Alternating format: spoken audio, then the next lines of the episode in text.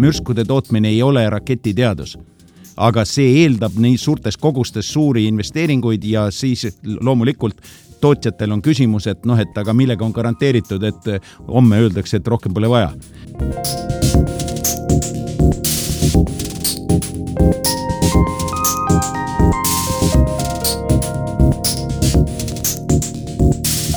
tere taas kuulama Eesti Välissuhete Nõukoja taskuhäälingut Maailma naba ja nagu ikka, lindistame seda Tallinnas EBS-i podcasti stuudios. füüsiliselt on täna stuudios Raivo Vare ja Zoomi kaudu Karmo Tüür.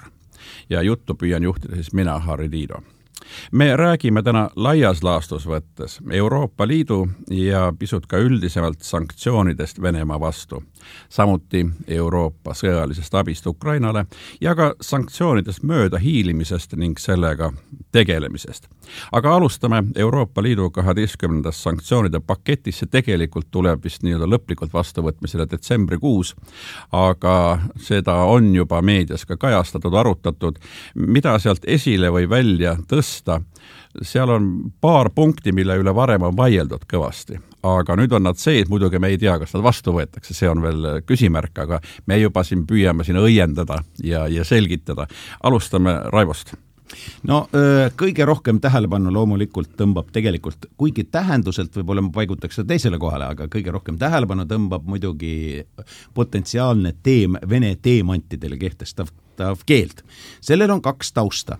esiteks see, et selle vastu on siiamaani väga võimsalt võidelnud eelkõige Antwerpeni linna asukoht ehk Belgia, asu arusaadaval põhjusel, sest Antwerpen on maailma teemandikaubanduse keskus, kuhu ka Vene teemandid jõuavad ja seetõttu on see olnud alati küsimärgi all. nüüd eh, see, praeguse seisuga on Belgia valitsus tulnud välja, et seda võiks teha, aga sellisel viisil, et oleks blockchain tehnoloogia alusel äh, jälgitavad nende teemantide teekonnad sellest kaevandamise hetkest kuni nende äh, töötlemisele järgneva müügihetkeni ja see on nüüd see koht, kus on teatud probleeme tehnilisega, mis põhimõtteliselt on vaja lahendada, aga mis, kui see vastu võetakse, oleks võimalik teostada. sellega seoses aga tuleb arvestada veel ühte teist tausta, millest muuseas meil meedias ka üldse ei räägita, nimelt teemandimaailmas toimub praegu turu kukkumine ja asi on jõudnud nii kaugele, et äh, teemandimaailmas monopolistid on kaks firmat, üks on De Beers ja teine on Alrosa ehk siis venelaste oma, üheksakümmend neli protsenti Venemaa teemantidest tuleb sealtkaudu. Ja see on riiklik ja see on Kremli finantseerija ja sõjafinantseerija.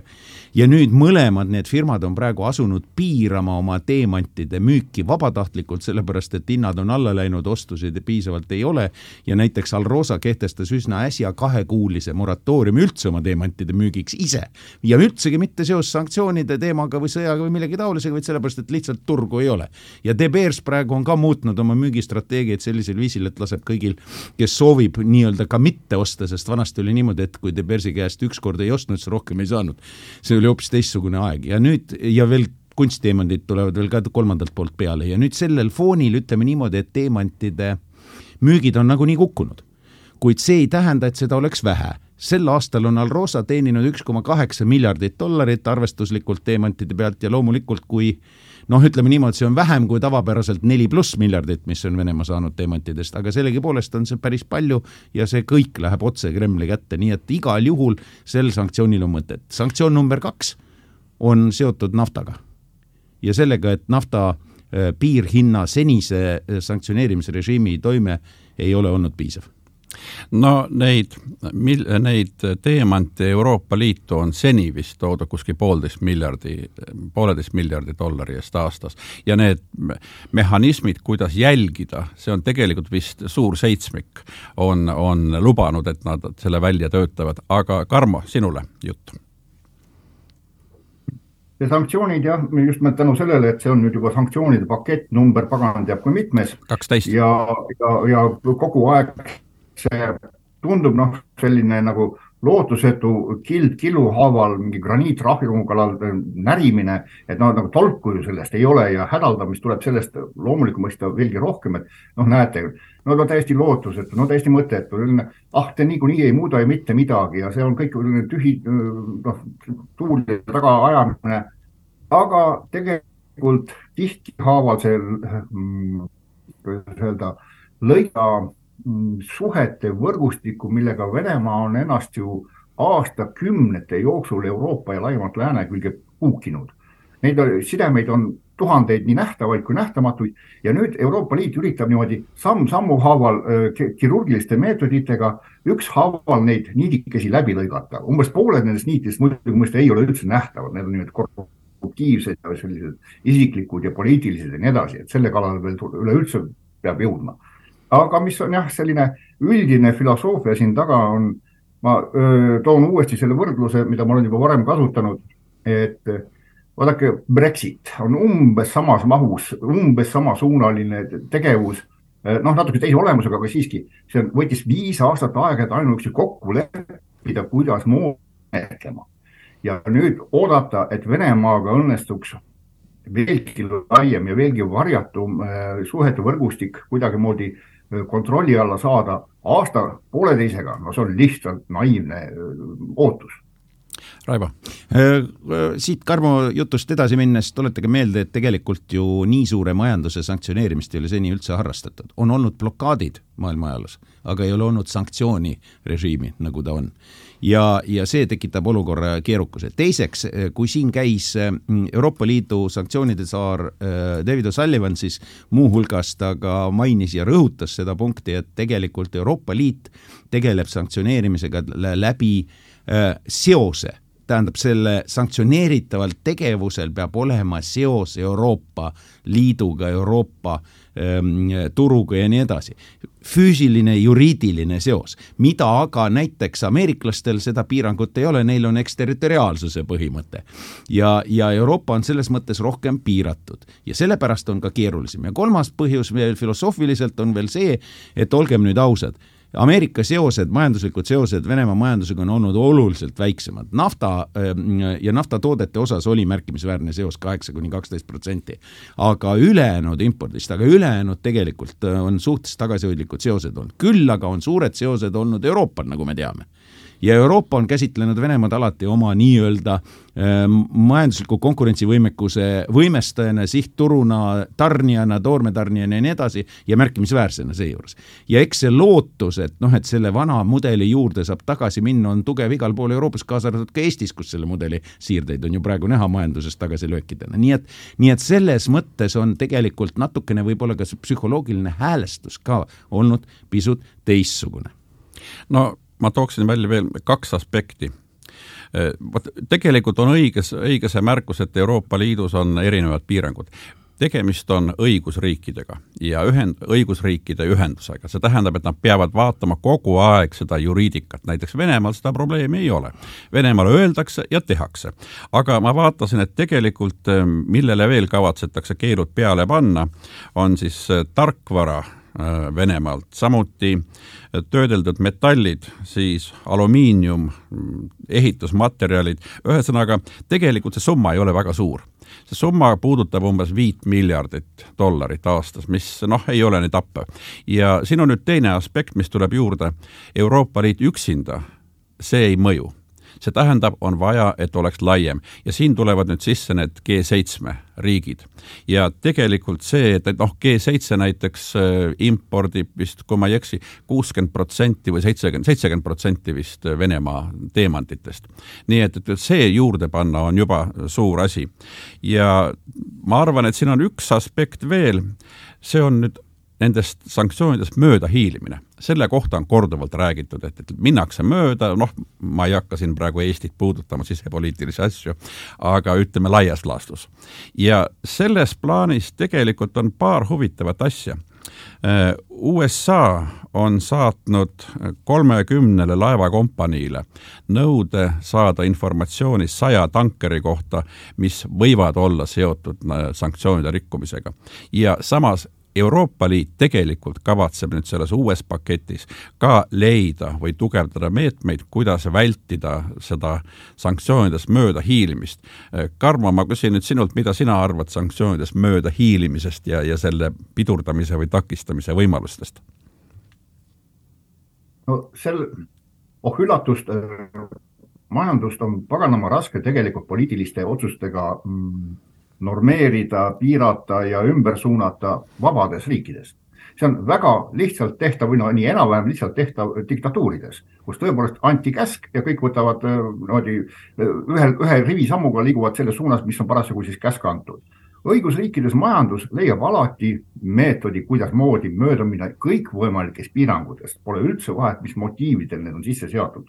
Kas need on näiteks piirangud, mis on näiteks maksupiirangud või on mingid tollipiirangud või on siis needsamad poliitiliselt motiveeritud piirangud. vabas riigis, vabas ühiskonnas majandus ongi sellele orienteeritud, et leida uusi võimalusi ja minna mööda piirangutest, selles iseenesest põhimõtteliselt ei ole mitte midagi kriminaalset ega halba. Küsimus selles, et kas see võiks olla eetiline, kas võiks olla eetilistel motivatsioonidel see tagatud, et ettevõtjad ise loobuvad asjaajamisest, noh, Põhja-Korea või, või Iraani või noh, kellega iganes. jah, see võiks niimoodi olla, aga see on ideaalmaastik, päris maastikul, päris elus, päris majanduses kõikvõimalikud piirangud on alati tinglikud, eriti kui see on poliitiliselt motiveeritud Raivo? no mina lisaks siit äh, mõned momendid, kui me teemantidest rääkisime, jätsime ühe väga olulise mängija ju kõrvale ja see toob mind selle mõtte juurde edasiarendamise mõttes, kõrvalhiilimisest. nimelt enamus toorteemantidest, mitte kõik, aga suur osa toorteemantidest töödeldakse kus? Indias ja Indiast liiguvad nad edasi juba lihvitumal kujul nii-öelda toormena juveelitööstusele ja edasimüügiks ja nii edasi. ja nüüd, kellest me räägime, me räägime Indiast üllatus-üllatus, India oli ka see, kes enne ostis kaks protsenti oma nafta impordist Venemaalt, nüüd vahepeal ostis kakskümmend pluss protsenti oma nafta impordist Venemaalt. ja siis töötles Reliance, näiteks India suurim naftatöötlemiskompanii, töötles selle diisliks ja siis müüs Euroopasse oma diisli sildi all. kas see on möödahiilimine või ei ole? Kas on võimalik midagi ette võtta Indiaga, ma ei ole kindel, sest nemad praegu püüavad sogases vees kuldkalakesi. täpselt sama lugu on Hiinaga, kellel on veel lisaks ka teatud poliitiline motivatsioon. Hiinaga ei ole mitte midagi võimalik ette võtta, ütles David O'Sullivan otse suu sisse, reaalselt et noh, et sellisel kujul Hiina võib jätkata, nendega püütakse vestelda, aga see ei ole eriti efektiivne. Indias samuti ei ole väga jõudu Euroopa Liidul äh, hammast peale hakkaks. küll aga äh, on ta käinud juba korduvalt Kesk-Aasia riikide juhtidega vestlemas, ta on korduvalt käinud äh, Taga-Kaukaasia riikide juhtidega vestlemas, ta on kolm korda käinud Türgis, kusjuures ise ka tunnistab, et ei ole nii edukas see vestlemine, sest mida suurem kolmas osapool, seda vähem ta sellest, nendest piirangutest hoolib. ja tegelikult on väga palju hoobasid hoopiski mitte Euroopa Liidu käes jätkuvalt. veel kord, eksterritoriaalsed sanktsioonid Ameerika Ühendriikide poolt, pangandus-finantssanktsioonid Ameerika Ühendriikide poolt need, mis seonduvad võimalike sanktsioonidega, erinevate terroristliku tegevuse toetamise mehhanismidega. Need asjad on tegelikult Euroopas suhteliselt nõrgalt arenenud ja kui Euroopa Liit ka midagi teeb, siis ta teeb sisuliselt G7-ga koos mis on hea koordineerimise mõttes, aga ta teeb seda väga tihti G7 sabas, mis on halb sisu mõttes no nende sanktsioonidega on tegelikult selline kummaline asi. põhimõtteliselt, kui on kriisid, sõjad, kaos, siis on see alati kellelegi võimalus teenida no kas tahame või ei taha, aga paraku ikka sogases vees on lihtsam kala püüda. ja kui ma vaatasin neid sanktsioonide temaatikat, siis mulle jäi ette üks, üks uurimisrühm, mis töötab välja väit-, väidetavalt töötab välja mehhanisme, uusi sanktsioone ja nii edasi, nii edasi, see on Stanfordi ülikoolis ole, ülikooli juures olev niinimetatud Äh, rühm ja see on loodud juba mullu märtsis. Nad on avaldanud, ma vaatasin, kuskil kakskümmend äh, uuringut uute sanktsioonide kohta ja kuidas neid ellu viia. minu jaoks oli ausalt öeldes selle, selle töörühma eksisteerimine üllatus või, või oli minu jaoks uudis. ma ei olnud varem näinud, kus need kakskümmend äh, tööd on, kes neid loeb ja kus neid arvesse võetakse. mul tekib küsimus, et kas, kas on vaeva vaja näha nii palju, sest seal on kuuskümmend eksperti USA-st Euroopa Liidust, Ukrainast, isegi Venemaalt, no ilmselt Venemaalt lahkunud eksperdid mõnega olen rääkinud isegi. Jaa, no vot näed, sina oled rääkinud, seetõttu sa tead. aga nendest möödahiilimistest ma kõigepealt alustaksin mm, sellest samast naftast, mida sa puudutasid siin ka, ja laevadest. oli uudis, et Taani äh, hakkab kontrollima Taani väinadest läbi minevaid tankereid, ega seal noh, kuidas nad põhimõtteliselt hakkavad kontrollida, mida nad saavad kontrollida, näiteks kas on kindlustus. ja siis on juba nii, et, et milline on selle nafta hind, kuna siin vahepeal on juhtunud nii, et hakati tõstma transpordikulusid nafta hind oli lubatud kuuekümne euro piires, aga maht, kulud ootamatult olid vaata et teist sama palju. nii et, et seal on neid möödahiilimisvõimalusi, aga vähemalt Taani on lubanud sest, sest kuuskümmend protsenti Vene nafta ekspordist läheb läbi Taani väljade, väinade. ja minu arvates see on päris kõva sõna, ausalt öeldes, kui nüüd merekonventsiooni vaadata, isegi Eestil oleks võimalus neid tankereid eh, kontrollida näiteks võimalike keskkonnakahjude tõttu. aga ma kõigepealt annan äh, Raivole sõna sel teemal ja siis Karmole. no alustame sellest, et tegelikult see keskkonnakaitseline aspekt on võib-olla see, mille puhul saab ka erinevate merevõimude äh, poolt äh, rakendada meetmeid, ehk siis organisatsiooniliselt toimida. sellepärast, et kui me räägime kommertspoolest, siis see on natuke keerulisem teema ja ega taanlastel on siiamaani vaidlus, kuidas seda täpsemalt teha, juhul kui üldse. eks ole, jutt on siis sellest, et Euroopa Liidu sanktsioonide pakett, see kaheteistkümnes väidetavasti näeb ette, et nüüd sellesse nõndanimetatud äh, siilingusse ehk siis hinna piirmäära hakatakse sisse arvestama ka neid samu sinu poolt viidatud transpordi ja kindlustuskulusid mis tekitab kohe natukene uue olukorra, sest siiamaani see oli möödahiilmise võimalus. teiseks, see on nüüd tankerite suhtes, millest ka sa juba hakkasid rääkima, see on siis nõndanimetatud venelaste loodud varilaevastiku kontrollimine. varilaevastik koosneb kahest osast, üks osa on tegelikult see, mis venelased, mis nad tegid, nad andsid praktiliselt kogu oma eksisteeriva tankerlaevastiku, andsid üle näiteks Dubais registreeritud firmadele mis tähendab seda, et nad muutus kolmanda riigi nii-öelda eh, firmadeks, kes ei ole nagu otseselt sanktsioonide režiimiga ühinenud. nüüd eh, teine osa sellest eh, on need tankerid, mis osteti üle maailma mingite arusaamatute skeemidega, viisidega ja, ja, ja rahadega osteti kokku. ja need on valdavalt siis vanad parsad, mille saatus on tegelikult umbes pärast kolmekümmet, neljakümmet teenistusaastat minna India ja Pakistani rannikule ja Bangladeshi rannikule äh, äh, nii-öelda äh, vanarauaks tegemisele, selle asemel nüüd on nad kasutusele võetud, need on tõeliselt ohtlikud ka keskkonna mõttes. kujutagem ette, et näiteks sada tuhat tonni mingisugust na-, naftat või ka naftatoodet, eriti raskemat, nüüd järsku merre valguvad, siis see on ju katastroof, mida tegelikult Euroopas on juba olnud, Biskaia lahes ja Prantsusmaa rannikul ja mõnel pool mujal ja meil läks karikas mööda õnneks kahe tuhande kolmandal aastal nipin-nabin siin Alhambra nimelise tankeriga, masuudiga ja, ja nii edasi, nii et see on tegelikult tegelikult üks võimalus, kust saab piirata, piirama hakata ja loomulikult see tähendab, et tegelikult muutuvad jällegi need möödahiilimise skeemid. nüüd küsimus on selles, et kui väga tihti tehakse üks viga, ma tahan seda kohe ära märkida, sest mul seda võimalust rohkem tõenäoliselt ei õnnestu. nimelt väga tihti räägitakse sellest, et see raha kõik läheb Putinile ja, ja Venemaale sõja pidamiseks. päris nii see ei ole praegu möödahiilimisskeemid on tekitanud olukorra, kus päris märkimisväärne osa sellest rahast, just see kasviku osa, see, mis on üle nii-öelda äh, väljamüügihinna, see on väga paljus jäänudki välismaale, see ei ole Venemaale tegelikult suures osas üldse jõudnud. ja selle raha panevad taskusse sisuliselt Kremlile lähedal seisvate isikute ringid koostöös naftafirmadega ja see raha jääb tegelikult lääne pankadesse. ja see on nüüd see koht, kus tegelikult tuleks veel eraldi seda raha vaadata ja neid seoseid ja skeeme, millest üldse ei räägita. Karmo, nafta, see nafta eksport, import ja sellest mööda hiilimine no erinevalt Raivost ei ole mina selle valdkonnaga praktiliselt üldse kokku puutunud, nii et seetõttu saan sellise üldise, üldisel tasandil rääkida ütleme, mm, üks asi, üks aspekt, millest eriti ei räägita, on seesama noh, rahaline pool, sest seda on ilgelt keeruline kontrollida. mina toon välja otseselt ei räägi, sest et me ütleme välja ühe hingetõmbega, seab sisse sanktsioonid. justkui Euroopa Liit oleks üks tükk. täpselt sama, suhteliselt lihtne öelda, et eks ole, Ameerika Ühendriigid seavad sisse mingid sanktsioonid, aga seal on noh, pilt korrust on riiklik tasand ja siis on selle mm, riiklike sanktsioonide jõustajad, mis on tavaliselt erastruktuur. ehk siis seal on kaks nii-öelda mängurit, kes jõustavad neid sanktsioone, riik ja sellesama riigi erinevad mm, siis firmad või ettevõtted. Euroopa Liit, oh üllatust, ei ole üks tükk. Euroopa Liitu on palju ja siin on neid, kuidas öelda, kooskõlastusmehhanisme, läbi mille kooskõlastatakse kõigepealt neid sanktsioone, kuidasmoodi neid siis nii-öelda jaotatakse laiali liikmesriikide vahel, kuidasmoodi nüüd liikmesriigid omakorda suudavad jõustada seda poliitilist tahet niimoodi, et tema ettevõtted omakorda hakkaksid nendest kinni pidama ja nii edasi.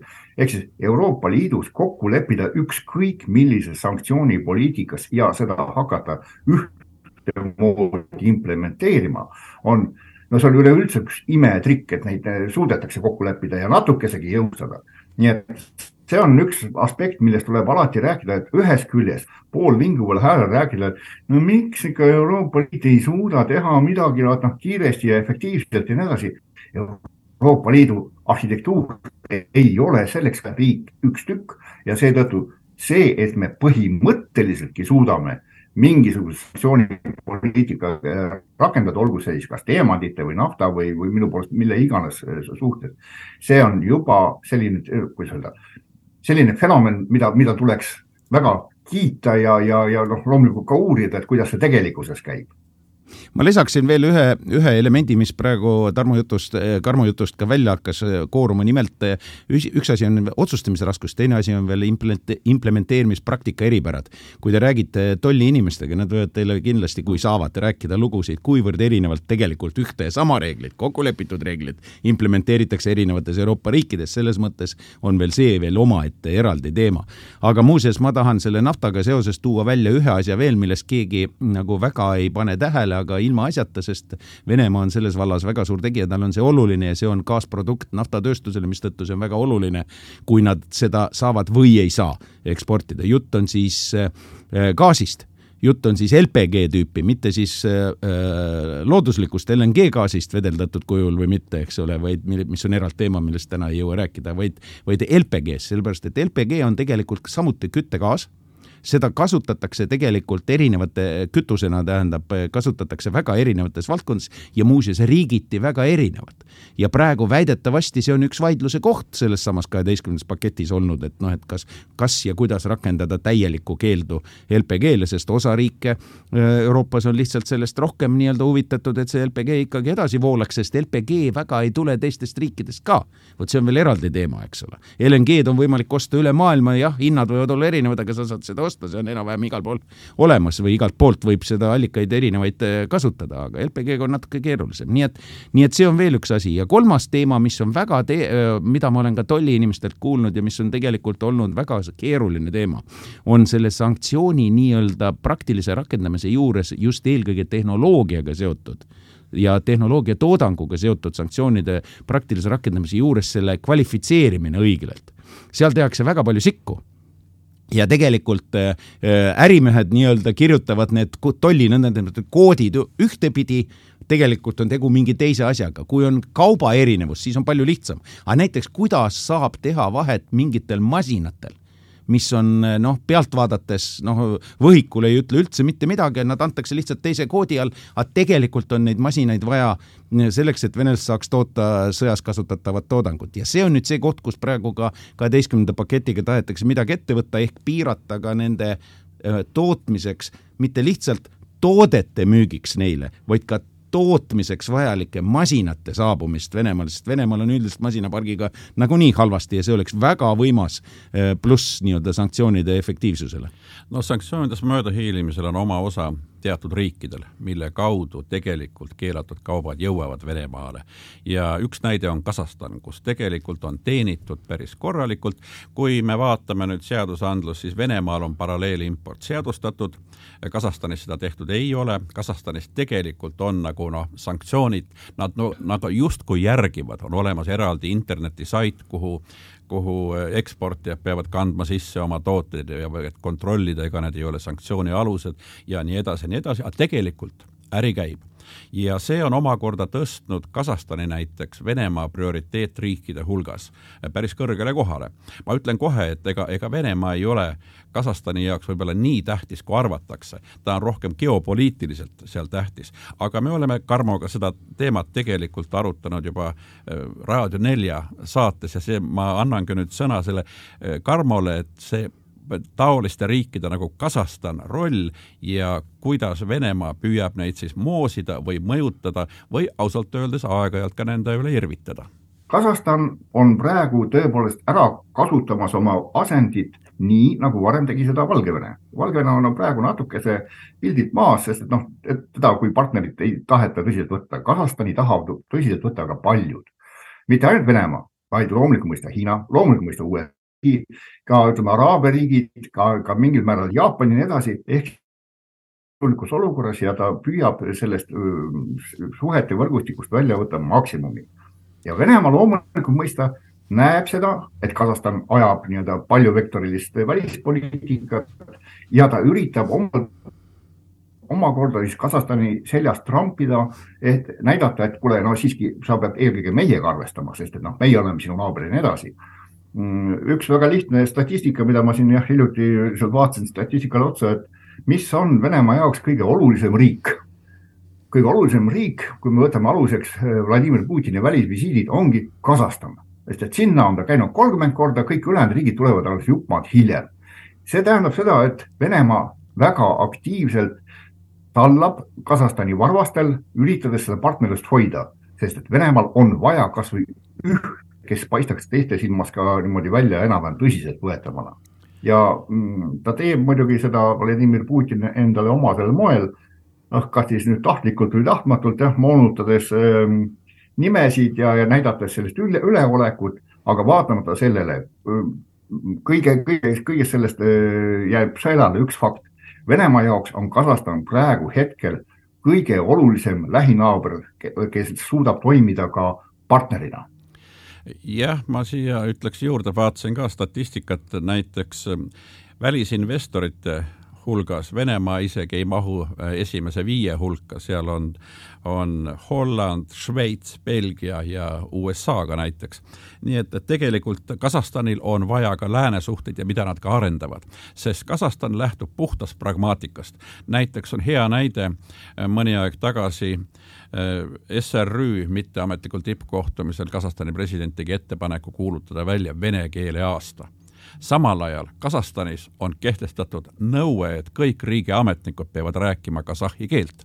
nii et ühesõnaga, siin on teatavad vastuolud, aga nad on lihtsalt, ma ütleksin, pragmaatiliselt ja neil ei ole ka kuhugi minna, neil ei ole pääsu meredele, neil on vaja ja sellepärast Kasahstan näiteks on huvitatud sellest ehitada välja täiendavad raudteeühendused Hiinaga ja ka toruühendused Hiinaga. see tähendab mitte sõltuda ainult Venemaast, vaid väljaveol sõltuda üha rohkem Hiinast. no kas see on hea või halb, aga võib-olla mitte ainult, mitte ainult, tegelikult jah, on Actausse lähevad äh, magistraalid ja teisele poole Hiina lähevad ja tegelikult see vedu on mõeldud niimoodi, et üle Kaspia mere siis ja mööda Taga-Kaukaasiat ja Türgi peale, nii et nii et tegelikult see planeerimine on neil pikka aega juba selline olnud, nad on mitmevektorilised tõepoolest tõepoolest, aga tuletage meelde selle keele juurde lihtsalt väikese nüansina, eks ole, oli ikka omaette tsirkus, kui nüüd Putiniga kohtumisel, kes tema, jutt on siis Tokajevist, president Tokajevist, tema nime järjekordselt väänas hirmsal kombel, mille peale Tokajev maksis kätte sellega, et mingil hetkel läks sujuvalt üle vene keele pealt, mis on traditsiooniline kohtumiste keel, läks sujuvalt üle kasahhi keele peale, mille peale siis kaamera näitas seda Venemaa delegatsiooni seal saalis, kes läksid täiesti pööraseks, otsides kõrvaklappe ja püüdes saada tõlget, sest loomulikult nende jaoks oli see üllatus, nii et see suhe on palju ambivalentsem, olgu mainitud ka, et O'Sullivan tunnistas ka, et tegelikult kasahhid on väga oluline lüli sellest sanktsioonist mööda hiilimise teemal ja ta ikka püüab, või Euroopa Liit püüab kasahhe mõjutada, ta on seal käinud, on lubadusi välja jagatud, on tehtud ka esimesi näitlikke poomisi kasahhide poolt ja nii edasi. aga kasahhidel on üks häda veel, seal on osa sellest kaubast, mis liigub sanktsioonidest mööda ja mis tuleb Hiinast, liigub just just läbi nende ja läbi kirgiiside. ja seal võib-olla on veel teised mängureeglid natuke nagu pealt paistab ja noh, Hiinaga, nagu me rääkisime, ei ole võimalik midagi ette võtta. ja teine koht, kus ta rääkis väga palju sellest, on Taga-Kaukaasia, rohkem kui me endale aru anname. jutt ei olegi nii palju võib-olla Aserbaidžaanist, kuivõrd Gruusiast, paraku küll Euroopa Liidu kandidaat, näe sa imet, ja, ja, ja siis äh, Armeeniast loomulikult ja see on natukene äh, rohkem, kui me oleme endale ette kujutanud. Ja nüüd midagi nad üritavad ka selles suunas äh, teha, on räägitud juhtidega ja juhtkondade tasemel on, aga ega tegelikult tunnistatakse, et näiteks grusiinid noh, räägivad mida iganes ei tee mitte midagi. armeenlastest ei saa keegi üldse midagi aru, nii et noh, selles mõttes eks neid saja kahekümne riigi hulgas, kes ühel või teisel viisil ei hooli sellest sõjast, sõja tulemustest ega Venemaa hukkamõistmisest ega, ega sanktsioonidest, ikka leidub keegi, kes, kelle kaudu saab seda eh, sanktsioonist möödahiilimist natukene korraldada ja siin ongi ameeriklastel oma eksterritoriaalsete võimet, võimalustega palju rohkem õigusi kui eurooplastel. jah, ma selle Kasahhi teema lõpetuseks ütlen, et tegelikult Tokajev vastas ka äh, Putinile, kui ta läks üle vene keelele, siis kuulmise järgi ütles ta austatud Vadim Vaimovitš. nii et ka nagu läks Vladimir Vladimirovitš mööda, aga mulle meeldib kõige rohkem see nimi, mille kaks tuhat kuusteist Putin andis endisele presidendile Nazarbajevile. ta nimetas seda Nazanbitš eriti inglise keele oskajatele. Nursultan Abiševitš on tema ametlik nii-öelda. me hästi lühidalt lõpus veel sõjaline abi Ukrainale. siin on, tähendab nüüd kaks asja, üks on see rahurahastu äh, raames kakskümmend miljardit ja tegelikult on veel ka jutt ka viiekümnest miljardist makrofinantsabist. Need on veel otsustamata ja siin on näiteks sellele kahekümnele miljardile on Saksamaa vastu, räägitakse, et tuleb tõenäoliselt vabatahtlike ühendust ja nii edasi, kuid ka see viiskümmend miljardit ripub õhus. ma alustan jälle Karmost. kuidas sa näed, kas Euroopa, püüame nüüd kokkuvõtlikult ütelda, kas Euroopa on suuteline sõjaliselt Ukrainat abistama, sest USA-ga on tekkimas järjest uusi küsimärke? väga lihtne on külvata kogu aeg seda juttu, et oi, Euroopa Liit niikuinii ei suuda alati, alati igas teemas leidub ka Euroopa Liitude siseselt neid inimesi, kes siis tahtlikult või tahtmatult ajavad sellist skeptilist juttu.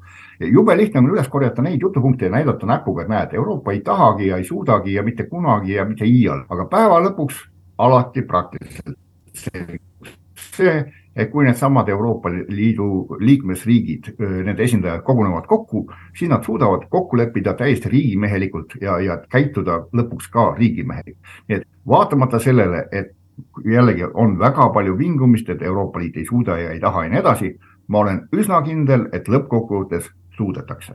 kuulge, sõbrad äsja me tuli teade, eks ole, ametlik Euroopa Liidu äh, võimest või Euroopa Liidu riikide võimest, kui täpne olla, äh, äh, realiseerida eestlaste eestvõttel käivitatud üks miljon mürsku ukrainlastele abiks, eks ole, selle võimatusest, selle realiseerimise võimatusest. nii et ikka on mingeid piiranguid ka no ma ütleksin, et tegelikult siin eurokomissar siseturu küsimustest Thierry Breton ütles, et see miljon mürsku on veel tehtav Eh, enne märtsi.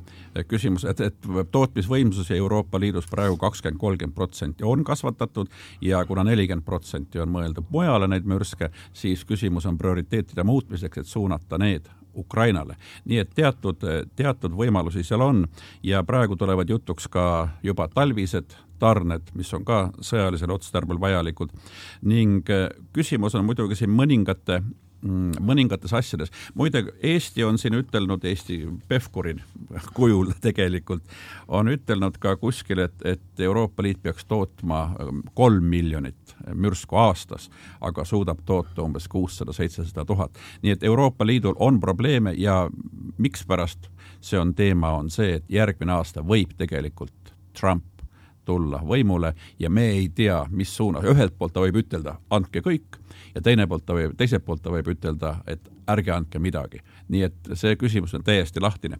kas teil on kellelgi midagi mina lisada? tahaks lisada kohe, sellepärast et siin on, unustatakse jälle üks faktor ära, Euroopa Liidu võimetuse taga on ka tema soovimatus poliitilistel kaalutlustel soovimatus Euroopa Liidus väga paljude rahvusriikide valitsuste poolt teha tellimusi sõjatööstusele, mürskude tootmine ei ole raketiteadus.